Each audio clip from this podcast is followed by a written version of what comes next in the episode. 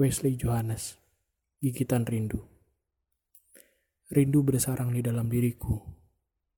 Lelaki yang menginginkan dirimu adalah kerumunan semut yang berciuman dan yang mencubit pada waktu satu anak kecil menggigit-gigit kuku jari. Seperti pada ekor pari dan sengat matahari. Satu bisa panas menyusul, bisa yang lain dengan bisu, kuhanyutkan ke dalam sepi tenggelam dan tertimbun, lumpur pada waktu surut air laut, meti dan mati.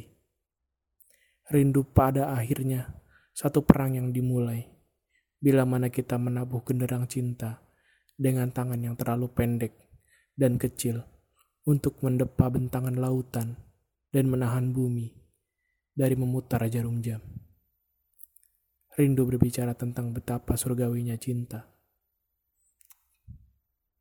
kita begitu jauh, sekaligus begitu dekat. Rindu mengambil semua batas dan meletakkan batas-batas dengan tidak memperdulikan keluh kesah sepasang kekasih tentang dirinya. Kinilah semua angin yang pernah diam, seolah-olah bersiul lebih keras dan menggugurkan segala bintang. Keinginan adalah buah-buah yang matang dan lepas begitu saja ke tanah, tanpa memiliki andai, daya, atau tanya. Jarak menjadi tak terukur, dan aku tak punya lagi kata. Hanya tatapan yang sama runcingnya, dengan haluan-haluan perahu di teluk Baguala. Rasa ini adalah setan yang paling manis, yang pernah diciptakan dari hasrat dan keinginan manusia untuk menemani kesendiriannya kala jatuh.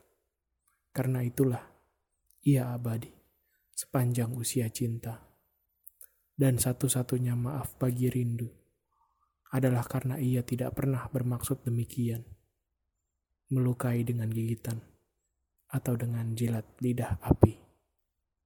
Gigitan rindu, Wesley Johannes.